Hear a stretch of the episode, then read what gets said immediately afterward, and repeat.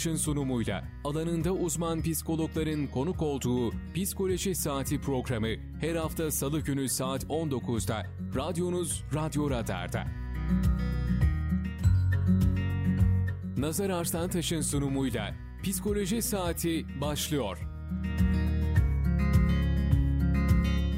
Değerli Radyo Radar dinleyicileri ve Kayseri Radar takipçileri Psikoloji Saati'nde birlikteyiz. Ben program sunucunuz Nazar Arslantaş. Bugün çocuklarda duygusal regülasyondan bahsedeceğiz. Ee, konuğum e, Cansu Arsav Tatlı bizimle e, Sarı Psikoloji Psikoterapi Merkezi psikologlarından. Cansu Hanım hoş geldiniz. Hoş bulduk. Nasılsınız? Teşekkür ederim. Siz nasılsınız? Bizler deyiz. Teşekkür ediyoruz. Ee, bize biraz kendinizden bahseder misiniz? Tabii. e, Ben Cansu Arslan Tatlı. Zaten başlangıçta da söylediniz. Sarı psikolojisinde çocuk ve ergen alanında hizmet veriyorum. İki yıldır bu alandayım. Nuh Naciye Yazgan Psikoloji bölümünden mezunum.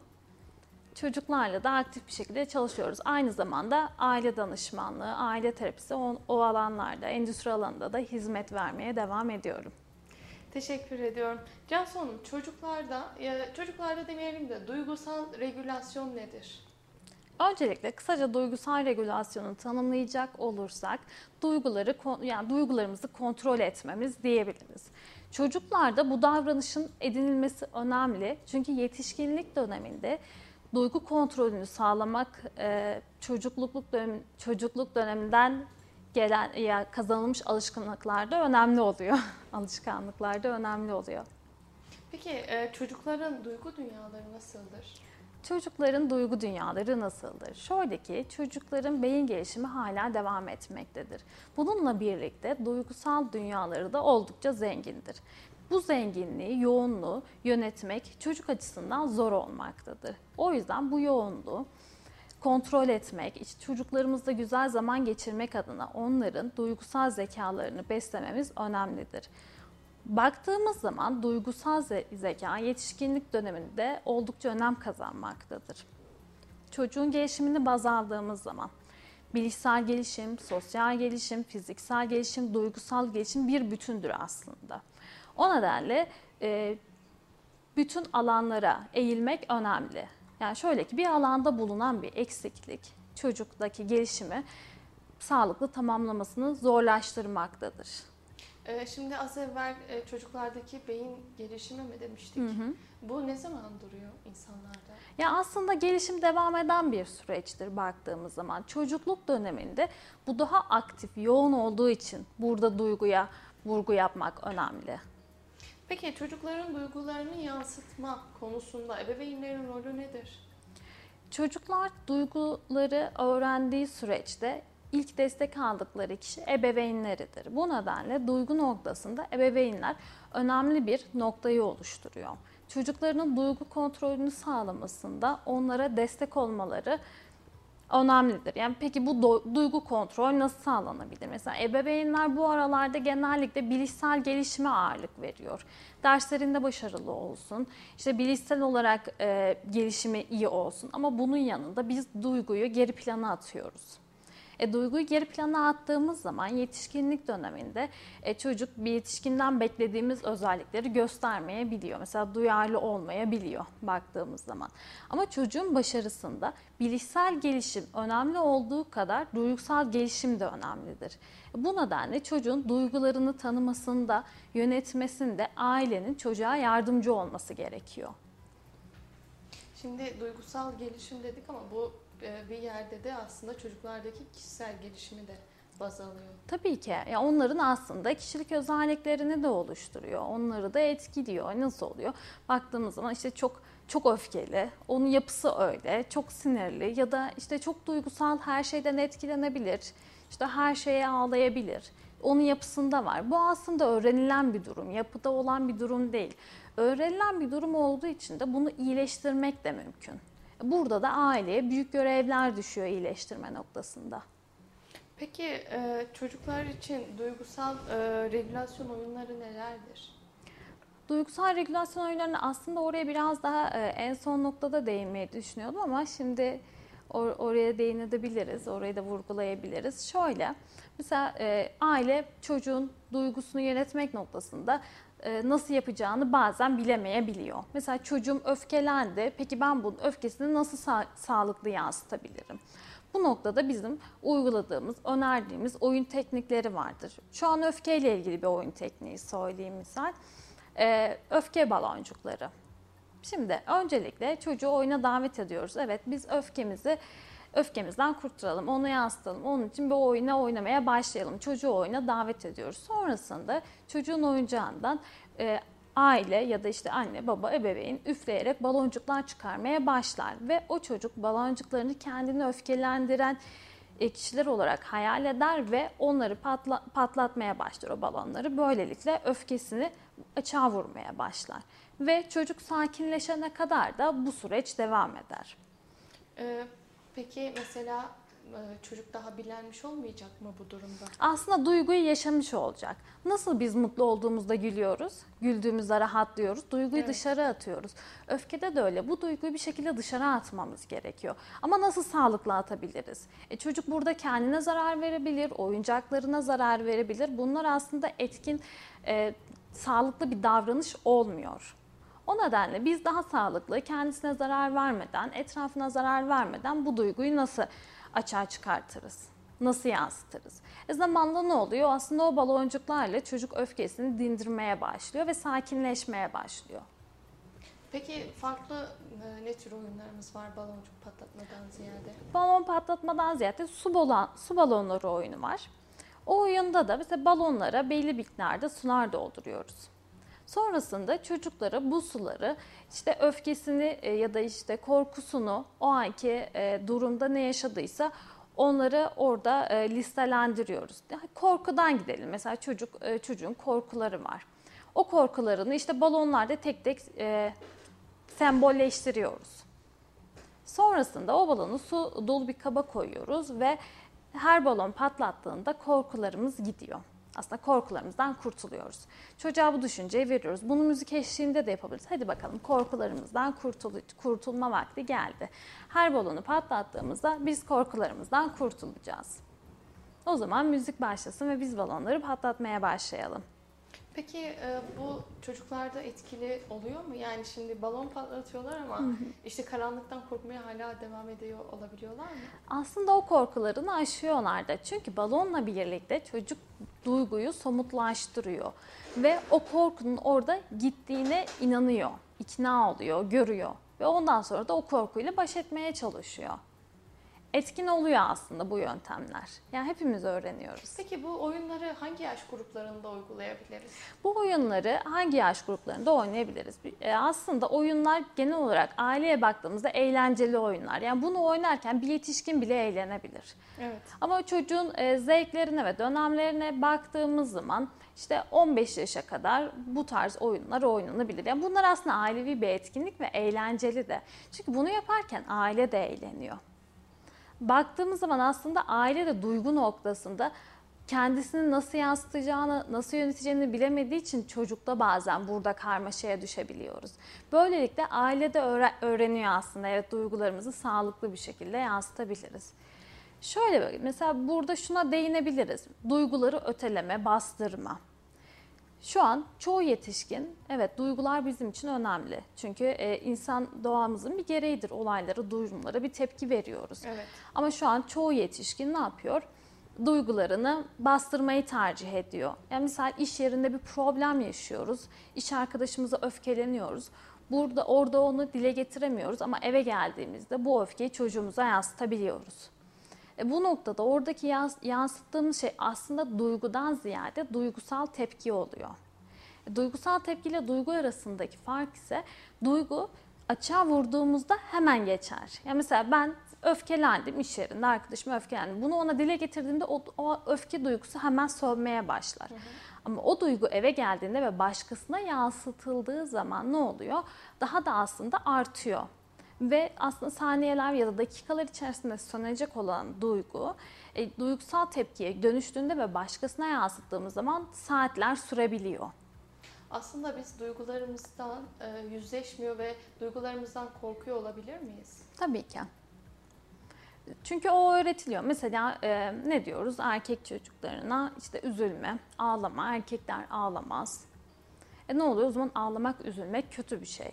E yetişkinlik döneminde de ne yapıyor? E bu kötü. O zaman ben üzülmek yerine bunu nasıl yansıtayım?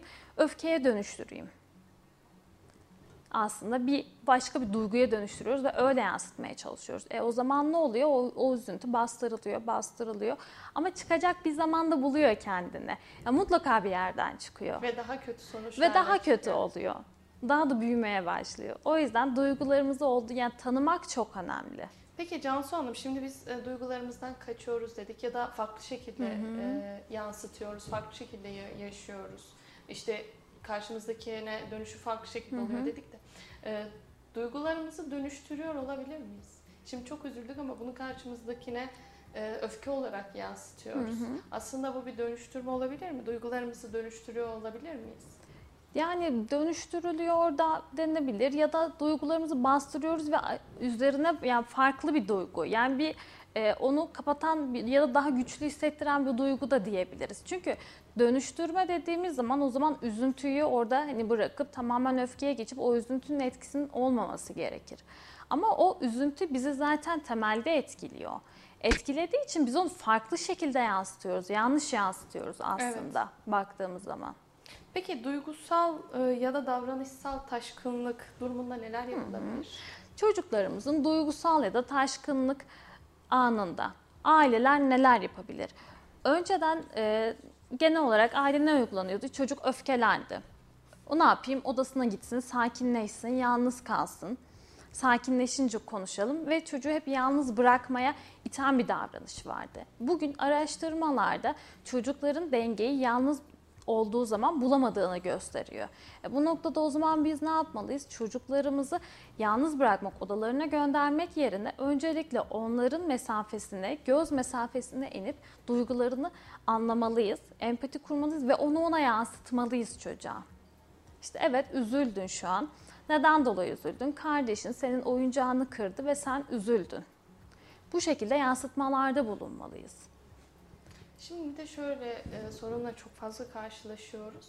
İki kardeş, yani ikisi de çocuk. Hı hı. E, aile birinin duygusunu anlarken diğeri öyle kalıyor ya da diğerini anlıyor öbürünü anlamıyor oluyor. E, bu sefer de çocuklar arasında da bir zıtlaşma hı hı. oluyor. E, çocuklar ve ebeveynler arasında da e, sen beni anlamıyorsun zıtlaşması oluyor. E, bu durumda neler yapılabilir? Bu noktada aslında tam olarak yine duygunun temeline geliyoruz. Biz duyguyu yansıtırken evde duygu çemberleri oluşturabiliriz. Öfke, mutluluk, sevinç, utanç, kaygı, üzüntü, bu duyguları temel alan çember oluşturduğumuzda evet çocuklarımız çatışma yaşadı mı? Zaten çemberi çocuklarla birlikte oluşturuyoruz. Önce o öfke anı dindikten sonra yani biz o öfkeyi kabul ediyoruz. İki çocuk sakinliğe ulaşıyor. Ulaştıktan sonra çemberlerimizi alıyoruz. Evet sen ne hissettin? İşte kardeşinle tartıştın, işte bir konuda anlaşmazlık yaşadın. Bu senin hangi duygunu yansıtıyor? Öfkelendim ya da işte üzüldüm Orada o duyguyu tanımlıyor. Ondan sonra duygusunu tanımlıyor ve onu dile getiriyor. Dile getirdiğinde de zaten biraz hafifleme oluyor. Yani bu duyguyu dile getirmek çok önemli. Onu kelimeye dökmeliyiz. Kardeşim oyuncağımı kırdı ve ben üzüldüm. Neden üzüldün? Oyuncağı seviyordum çünkü. Yani burada o duyguyu dile getirmek önemli. Hem kabulleniyoruz hem de dile Evet hem kabul ediyoruz hem dile getiriyoruz. Karşısında kardeş de ne yapıyor? Ya ben oyuncağı aslında belki kırmak istemedim yanlışlıkla düştü. Tamam o oyuncağı düşürdüğüm ve kırdığım için ben de üzüldüm. E, ve duygular açığa geldiği zaman aslında çocuklar arasındaki o anlaşmazlığı da gidermiş oluyoruz. O noktada da duygu çemberleri bizim kurtarıcımızdır. Çünkü çocuklar somutlaştırmayı sever o duyguları, o çemberleri önüne koyduğumuz zaman somutlaştıracaklar ve daha da keyif alacaklar duygu etkinliklerinden. Ee, şimdi bir takipçimizden e, yorum aldık. Ödev yapmamak için bahaneler yaratan çocuğumuzu nasıl ikna edip ödev başına oturtturabiliriz yazmış. Biraz da hoşuma gitti açıkçası. Şöyle mesela ödev yapmaya bahane üretiyor. Neden bahane üretiyor? Ben onun üzerinde konuşabilir. İşte ders matematik, işte ben matematik çalışmak istemiyorum. Peki matematiği neden çalışmak istemiyorsun? Orada çocuk işte geri bildirimde bulunuyor. Ya sevmiyorum. Neden sevmiyorsun? Yani oradaki duygu temeline odaklanmak önemli. Orada ne hissediyor? Ya matematiği anlamadığı için kendisinde üzüntü mü hissediyor, kaygı mı hissediyor? Önce onu çözümlemek önemli. Sonra tamam sen kaygılanıyorsun, anlamayacağını, yapamayacağını düşünüyorsun. Peki biz bu kaygını gidermek için bir şeyler yapalım. Mesela neler yapalım? Yani matematiği senin için daha keyifli yani senin için daha keyifli hale nasıl getirebiliriz? Onun, onun üzerinde gitmek lazım. Dersleri biraz daha eğlenceli hale getirebiliriz. İşte çocuğun ders çalıştığı alanı biraz daha iyileştirebiliriz. Nasıl iyileştirebiliriz?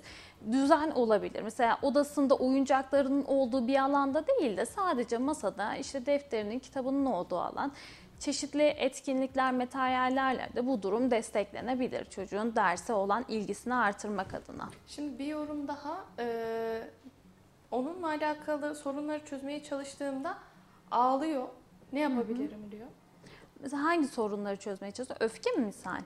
Yani çocuklar kardeşleri arasında ya da aile sanırım. ebeveynlerle bir sorun yaşıyor. Evet ağlıyor. Şu an ağlıyorsun çünkü üzüldün. Üzülülen durum ne? Olay ne? O dile getirilmeli. İşte kardeşim böyle davrandı. Sen üzüldün. Üzüldüğün için de ağlıyorsun. Çok normal. Üzüldüğümüzde ağlarız. Peki bu üzüldüğümüz durumu nasıl iyileştirebiliriz? Yani bunu karşıya nasıl yansıtabiliriz? Ve kişinin yaşlarıyla orantılı olması gerekiyor. Bazen çocuklarda mesela yaş aralıkları farklı olabilir. Kardeşi 2 yaşında, kendisi 8 yaşında. Aslında onların anlama ve olayı e, anlatma durumları da değişiyor. Peki o durumda ona yaşa göre açıklama yapılmalı. Kardeşin şu an 2 yaşında olduğu için bizi iyi anlayamayabilir. Şu an senin baktığın gibi bakamayabilir. Çünkü sen ondan daha büyüksün ve daha farklı bakabiliyorsun gibi bu şekilde Ee, aktarılabilir. Şimdi e, bir takipçimizden bir sorumuz daha var. Benim 6 yaşındaki kızım istediği şeyleri ağ- ağlayarak, bağırarak istiyor ve istediği şey o an evde yoksa saatlerce ağlıyor. Nasıl yaklaşmam lazım bu davranışa? Yok kelimesi onun hayatında yok çünkü. Yok yazmış. kelimesi onun hayatında yok. Çünkü biz yok kelimesini onun hayatına yerleştirmedik.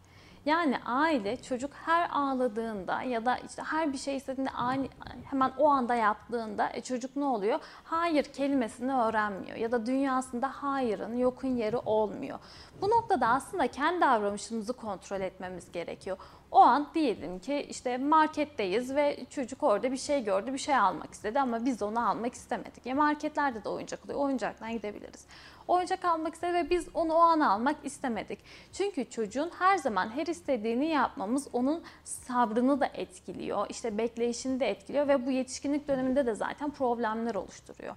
Onu kontrol etmemiz gerekiyor. Çocuk sabretmeyi öğrenmeli. Çocuk hayırı öğrenmeli. Orada çocuğa onu neden alamayacağımız izah edilmeli. Bu oyuncakla işte bu oyuncaktan evde de var. Almamıza gerek yok. Çünkü aldığımız zaman aslında işte evde de var, bu da var. Fazla oluyor. O fazla kavramını bilmeli çocuk. Ona açıklama yapılmalı. Ağlıyor ve al- almasını istemeye devam mı ediyor? Ama buna rağmen aile pes ettiği zaman anne ya da baba tamam ağlama al dediği zaman ne oluyor? Çocuk bunu öğreniyor. E, bunu da kullanıyor. Nasılsa ben sürekli ağladığımda işte ailem benim istediğimi yapıyor. O zaman her istediğimde ağlayayım. E, ilk ağlamamda yapmadı. ikinci, üçüncü bu ağlama durmayacak ki zaten. Biz sonunda onun istediğini yaptığımız zaman o ağlama devam edecek. O yüzden orada çocuğun bu davranışa alışmasını önlememiz gerekiyor. Ee, teşekkürler çok Rica yardımcı oldunuz. Söylediklerinizi uygulayacağım yazmış. Rica Ee, benim ederim. bir sorum olacaktı. Şimdi böyle bir durum var. Yani aile bunu alıştırmış çocuğu. Şu an bunun üzerinden nasıl gelebiliriz? Şu anda da o var olan alışkanlıkları gidermesi gerekiyor ve bu noktada tutarlı olması gerekiyor. Çocuğa bunu açıklamalı. Evet biz artık sana sürekli oyuncak alamayacağız. Okula başlamıştır, işte ilkokula gidiyordur ama oyuncak yerine ne yapabiliriz? Zaten birçok oyuncağım var. Onun yerine sana e, kitaplar alabiliriz. Hikaye kitapları, masal kitapları alabiliriz. Ama sana bu dönemde artık hani bu oyuncakların devamı olmayacak. Ya da her istediğin her zaman olmayabilir. Olmamasının gerekçeleri açıklanmalı. Ve çocuğa mantıklı açıklamalar yapılmalı. Ya almıyoruz, işte paramız yok. Çocuk o aslında paranızın olduğunu biliyorsa bu çocuk da hani bir temele oturmayacaktır. Anne babam çalışıyor. Oyuncağın hani e, belli de yani ne kadar tutabilir, alabilir gibi düşünebilir. O yüzden ona açıklamalarında mantıklı olması gerekiyor. Anlattıklarınızın hepsini yaşıyoruz. Gerçekten çok güzel bilgiler veriyorsunuz. Cansu Hanım yazmışlar sizlere de. Teşekkürler. Ee, peki şimdi Cansu Hanım e, aslında birazcık konumuzun dışarısına çıktık. Olsun. İşte çocukta oyuncaktı derken takipçilerimizin yorumuyla birlikte. Ee, şimdi şöyle bir de çocuklar şimdi okula başlıyor. Ebeveynlerden biraz da uzaklaşıyor akabinde baktığımız Evet. zaman. Orada e, nasıl sağlayabiliriz? Aslında okulun içerisinde sınıf arkadaşlarıyla birlikte duygularını doğru yansıtmayı onlara nasıl gösterebiliriz? Aslında çok güzel bir soru yönelttiniz. Burada yine bahsettiğimiz duygu çemberlerini kullanabiliriz. Çocuk günlük hayatta ne yaptığını aktarmaz, anlatmaz. İşte ben burada arkadaşımla bunu yaşadım, bunu direkt söze olarak yani yetişkinler gibi dile getirmez. O nedenle uyku saatlerine yakın. İşte çocuk uykuya geçişte duygu çemberi önümüze alınabilir. E bu duygularda evet hadi gelelim biraz duygu çemberine bakalım. Bugün bu duygulardan hangisini yaşadın? İşte mutluluğu yaşadım, üzüntüyü yaşadım. Peki bu yaşadığın duygu neden dolayı bunu yaşadın? Mesela ne oldu da mutlu oldun? Peki bunun karşısında ne yaptın? E bu şekilde çocukların duygularını aktarması sağlanır ve o duygulara karşı verdiği tepkilerin doğru olup olmadığı çocukla birlikte değerlendirilir. Çözümlenir aslında. Evet. Yani çocuklarımız her okuldan geldiğinde aslında bugün günün nasıl geçti, hangi dersleri işlediniz gibi Kaçamak sorular- cevap verir muhtemelen. İyi de her zamanki gibi geçti. Muhtemelen böyle cevaplar verir. Ama duygu noktasında onu bir somutlaştırma ve bunu eğlenceli hale getirdiğimiz zaman çocuk kendisini daha iyi Peki ifade nasıl ediyor. sorular yöneltmeliyiz? Duyguyu e, kontrol ederken mi? Mesela çocuk geldi, işte uyku saatine geçiyoruz, duygu çemberlerimiz var. Hadi bugün hangi duyguları yaşadığımıza bakalım. Bugün hangi duyguları yaşadık? Aile bunu örnek de verebilir. İşte ben bugün mutluluk duygusunu yaşadım. Çünkü işte çalışırken uzun zamandır üzerinde çalıştığım bir işi bugün çözümledim. Ve bunun sonucunda da mutlu oldum. Peki sen bugün hangi duyguyu yaşadın? Bu şekilde soruları yönelterek onun da duygusunu açmasına yardımcı olabiliriz. Şimdi bir sorumuz daha var. Ana sınıfına giden kızım hiçbir sağlık sorunu olmadığı halde geceleri bez kullanıyor ve hatta gündüzleri de altına kaçırma durumları oluyor. Ne yapmalıyız diyor. O e, bez kullanma durumu mesela tuvalet eğitimi dönemi nasıl geçti? Bu biraz daha aslında e, kompleks bir durum. O tuvalet eğitimi dönemine geçmek gerekiyor. Sonrasında ne oldu da çocuk hala bez kullanmaya devam ediyor? Onun altında yatan kaygıları nelerdir? Kork- Korkuları nelerdir? Yani onu ben o çocuğu görmeden bunu yorumlamam ya da genel bir öyküsünü almadan yorumlamam biraz zor olur açıkçası. Ee, sizlere de Sarı Psikoloji e, Psikoterapi Merkezi'nden ulaşabilirler. Evet. Ee, buradan da Bilgilendirme. Evet. yapalım. Evet, oradan ulaşabilirler. Daha sağlıklı bir yönlendirme yaparız orada. Yine de sanırım her şeyin, her duygunun, e, her eğitimin zamanında olması taraftarıyız. Tabii ki. Çünkü e, sonrasında olduğu, sonrasında yapıldığı, sonrasında o eğitimi verildiği zaman e, durum biraz daha zorlaşıyor ve uygun halinden çıkıyor. En azından iyileştirmek zorlaşıyor diyelim. Şimdi Evet. çocuklarımızda duygu yönetimi daha kolaydır. Neden? Zaten duyguları yeni öğreniyorlar. Yansıtmayı yeni öğreniyorlar. Ama bir yetişkinlik döneminde geçtiğimiz zaman onlar duyguları yansıtmada alışmış bir durum var. Mesela 24 yaşındaki bir yetişkin düşünelim. 24 yıldır alıştığı bir durum var onun. E, onu iyileştirmek, onun duygularını yönetmesini sağlamak tabii ki de zaman alacaktır. Fakat biz daha yolun başındayken çocuklarımıza bu yönetimi sağlayabiliriz. Evet. Ve daha kolay olur. Şimdi bir yorumumuz daha var. Aslında tam da konumuzla alakalı. Evde çok hareketli, yaramaz olan 6 yaşındaki çocuk neden okulda okulda utangaçlık yapar? Neden derslerde oyunlara katılmaya utanır? Muhtemelen o çocuğun sosyal alanı gelişmemiştir. Akranlarıyla iletişimi bu noktada zayıf olabilir. Girdiğimiz zaman okulda da hep akranlar olduğunda onlar daha baskın geliyor olabilir ve kendini bu noktada geriye atmış olabilir. Çünkü ailede o doğduğumuzdan beri o aileyiz. Biz o aileye alıştık. Ailede kendimizi daha kolay ifade edebiliyoruz. Düşüncelerimizi, duygularımızı. Ama dışarı çıktığımız zaman bunu yapamıyorsak o özgüvenle alakalı eşleşebilir ya da işte akranlarla iletişimde sosyalleşmeyle eşleşebilir. O yönünü kuvvetlendirmeliyiz. Mesela onların akranlarla iletişimini artırmalıyız. Arkadaşlarıyla olan problemini kendisini çözmeye onu teşvik etmeliyiz. Arkadaşlık kurmaya teşvik etmeliyiz. Dışarıdaysak mesela.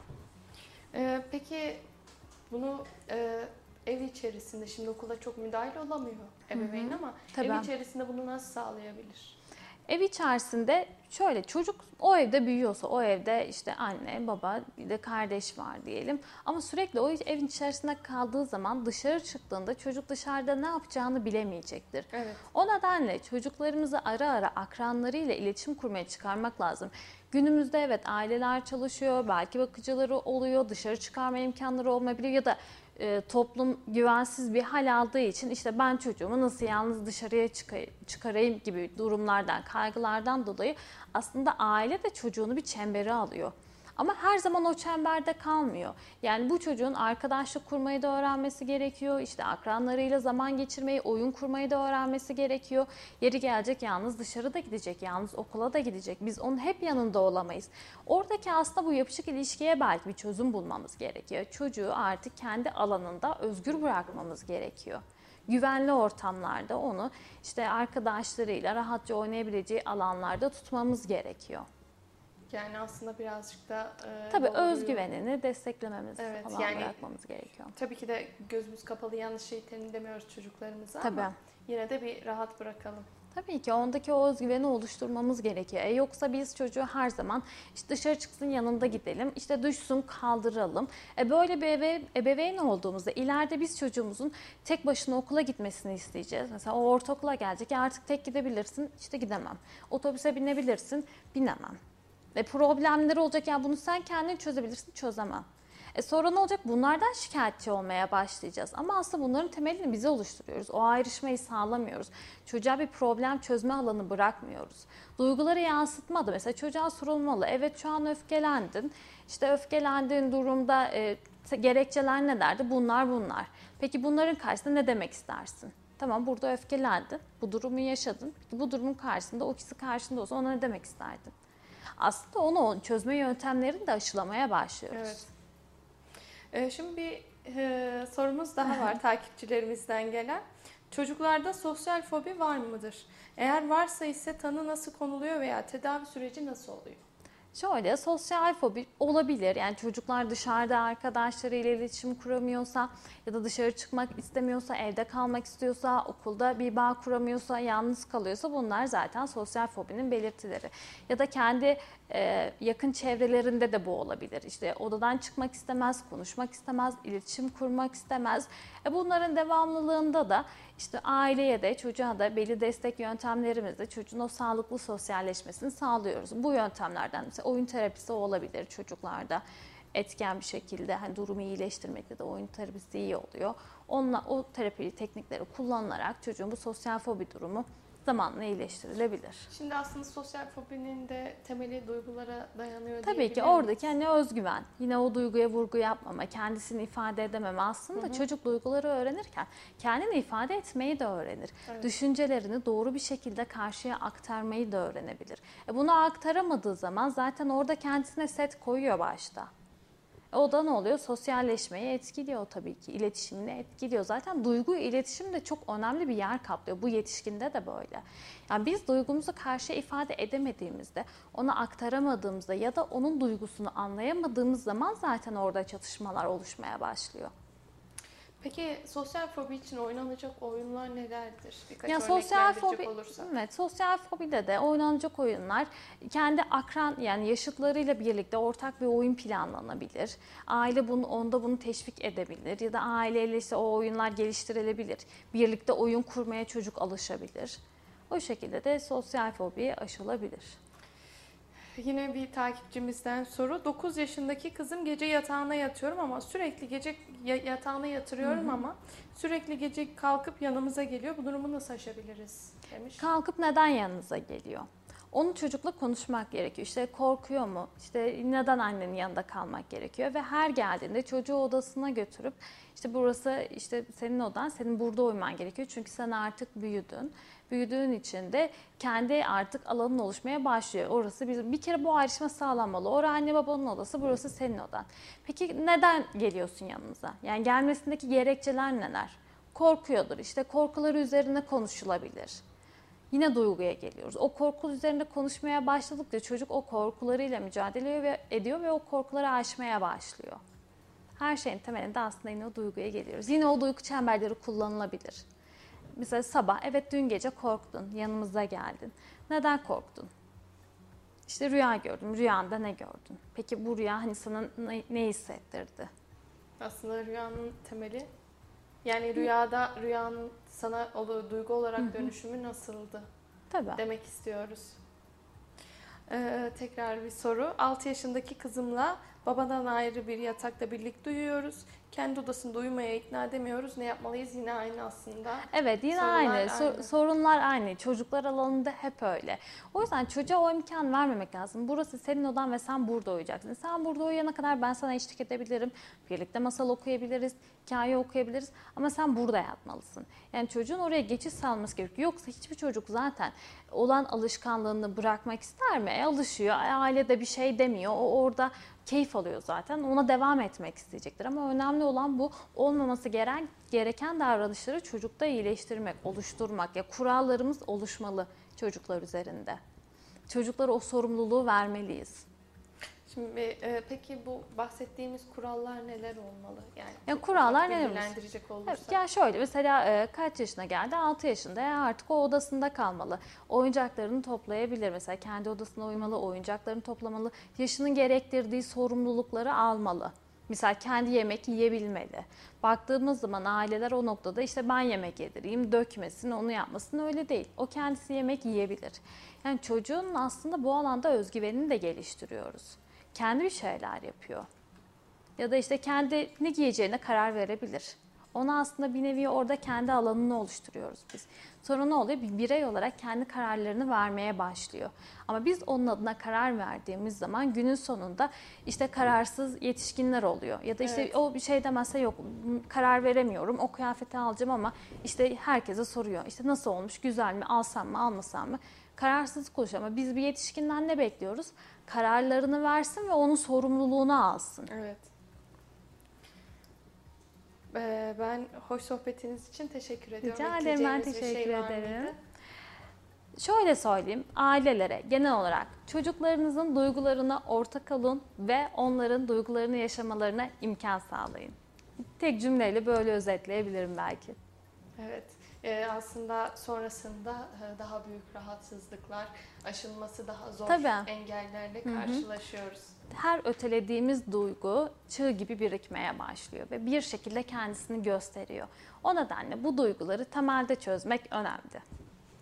Peki o zaman artık programımızın sonuna, Sonuna geldik. geldik. Değerli Radyo Radar dinleyicileri ve Kayseri Radar takipçileri Psikoloji Saati'nin sonuna geldik. Bizi dinlediğiniz için ve ayrıyetten e, sorularınız için teşekkür ediyoruz. E, değerli konuğum Cansu Hanım'a da buradan teşekkürlerimi sunuyorum. Bu arada benden ziyade yorumlarda da e, size teşekkür etmişler Cansu Hanım. Rica E, ederim. buradan da bilgisini vereyim. E, haftaya başka bir konuğumuzla başka bir konu üzerinde görüşmek üzere. İyi haftalar diliyorum. Nazar Arslantaş'ın sunumuyla Psikoloji Saati sona erdi.